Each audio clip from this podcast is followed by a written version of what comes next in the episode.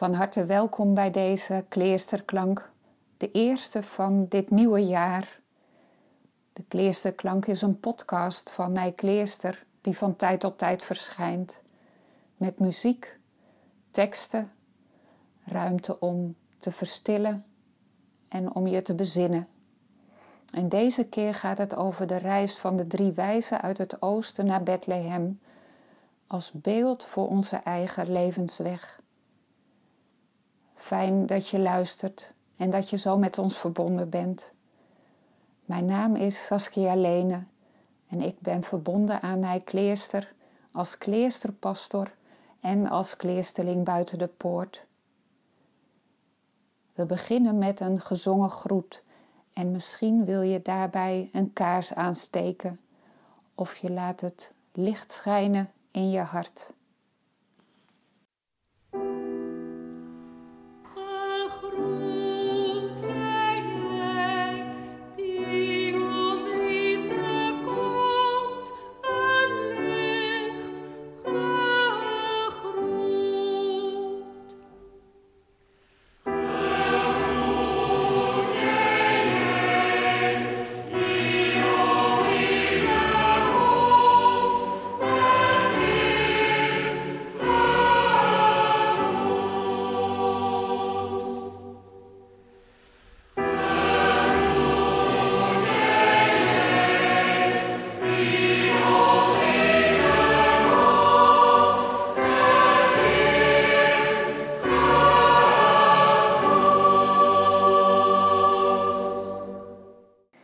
Lees Voor wie ver moet reizen van Jen Richardson.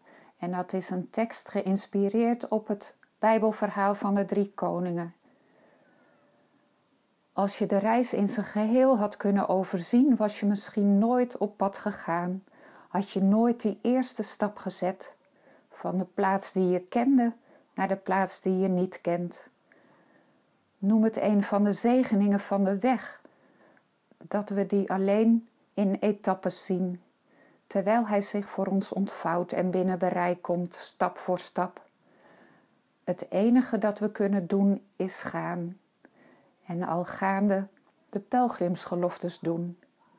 Wees trouw aan de volgende stap.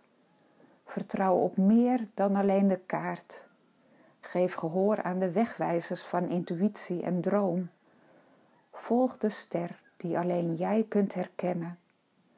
Houd je ogen open voor de wonderen onderweg.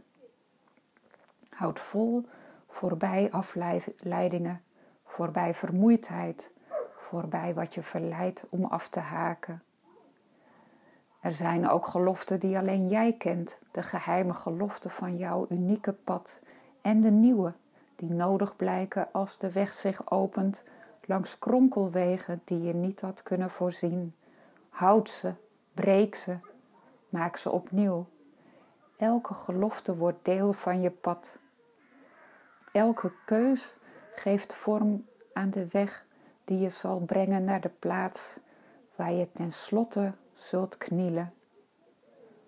Om aan te bieden het geschenk zo nodig, het geschenk dat alleen jij kunt geven, voordat je je omkeert naar huis langs een andere weg.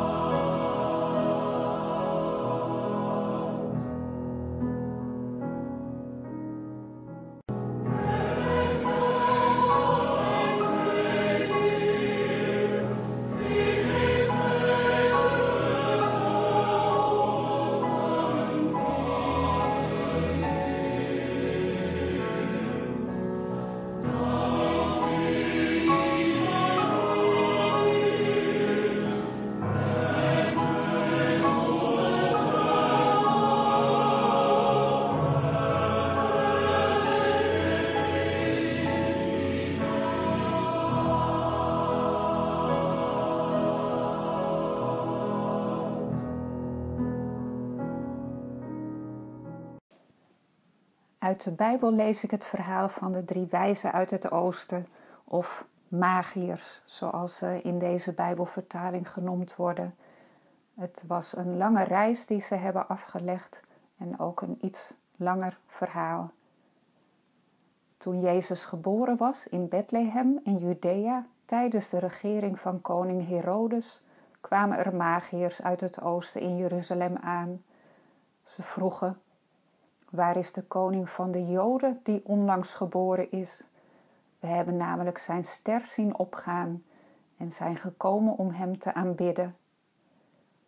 Koning Herodes schrok hevig toen hij dit hoorde en heel Jeruzalem met hem. Hij riep alle hoge priesters en schriftgeleerden van het volk samen om aan hen te vragen waar de Messias geboren zou worden. In Bethlehem in Judea, zeiden ze tegen hem, want zo staat het geschreven bij de profeet. En jij, Bethlehem, in het land van Juda, bent zeker niet de minste onder de leiders van Juda, want uit jou komt een leider voort die mijn volk Israël zal hoeden. Daarop riep Herodes in het geheim de magiërs bij zich. Hij wilde precies van hen weten wanneer de ster zichtbaar geworden was, en stuurde hen vervolgens naar Bethlehem met de woorden: Stel een nauwkeurig onderzoek in naar het kind. Stuur mij bericht zodra u het gevonden hebt, zodat ook ik erheen kan gaan om het te aanbidden. Nadat ze de koning hadden aangehoord, gingen ze op weg. En nu ging de ster die ze hadden zien opgaan voor hen uit, totdat hij stil bleef staan boven de plaats waar het kind was. Toen ze de ster zagen, werden ze vervuld van diepe vreugde.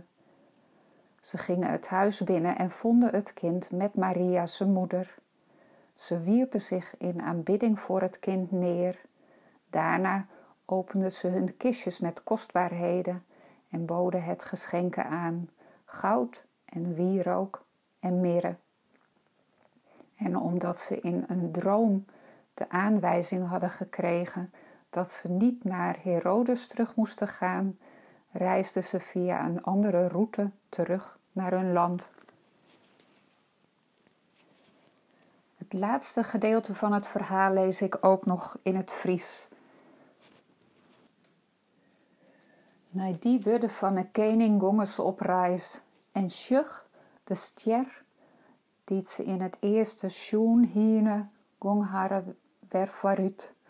Onder stilsteen bleu boppe het plak dat het jonkje wie. Doet ze de ster zegen, wiene ze tier bliet. Ze roenen het hoes in en zegen het jonkje mij, Maria, zie mem. Doe voelen ze op een knibbels en dienen hem hulde. Ze makken haar tassen met kostbaarheden iepen en joegen hem als present goud, wijreek en mirre. En onze in het dreem warskogen waarden net weer naar Herodes te gaan, namen ze een oorpaad om in haar land weerom te komen. Er volgt nu eerst stilte voordat we verder gaan met Bless the Lord my soul.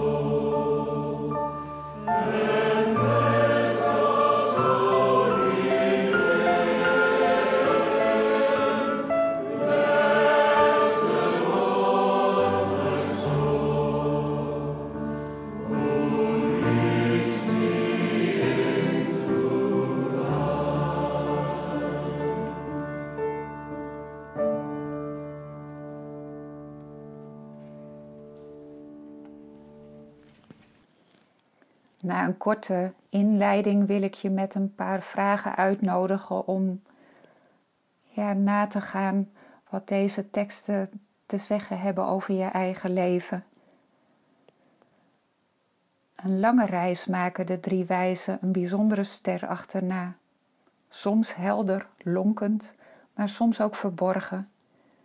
Pas gaandeweg ontdekken ze wat hun bestemming is. De ontmoeting met de pasgeborene in de stal is niet het einde van hun reis. Ze aanvaarden de thuisreis, maar nu langs een andere weg.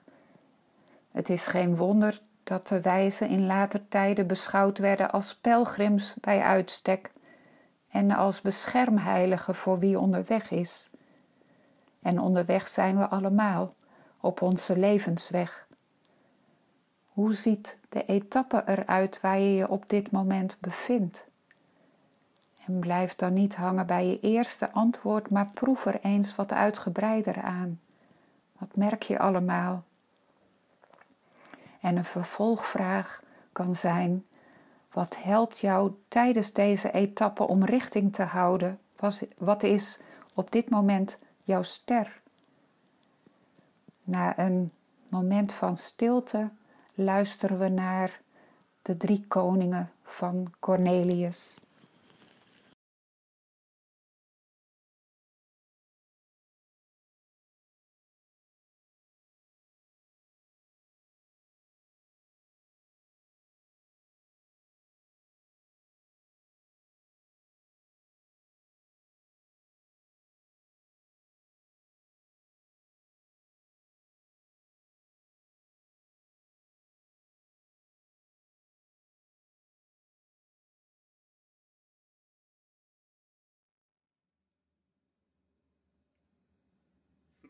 Kings from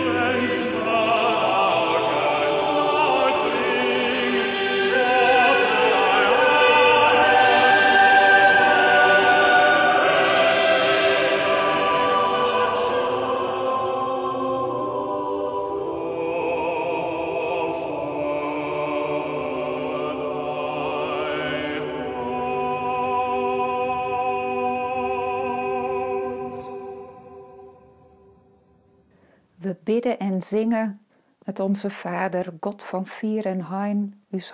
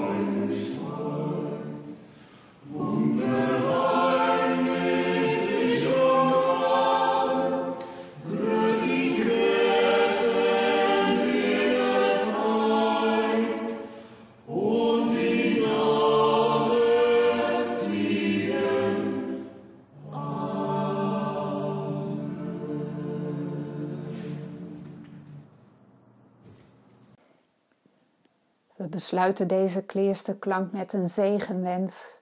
Waar je ook bent en hoe het ook met je is, wees gezegend met vrede en vreugde. Behoed die in je hart. En deel ervan uit aan ieder die je ontmoeten mag. Amen.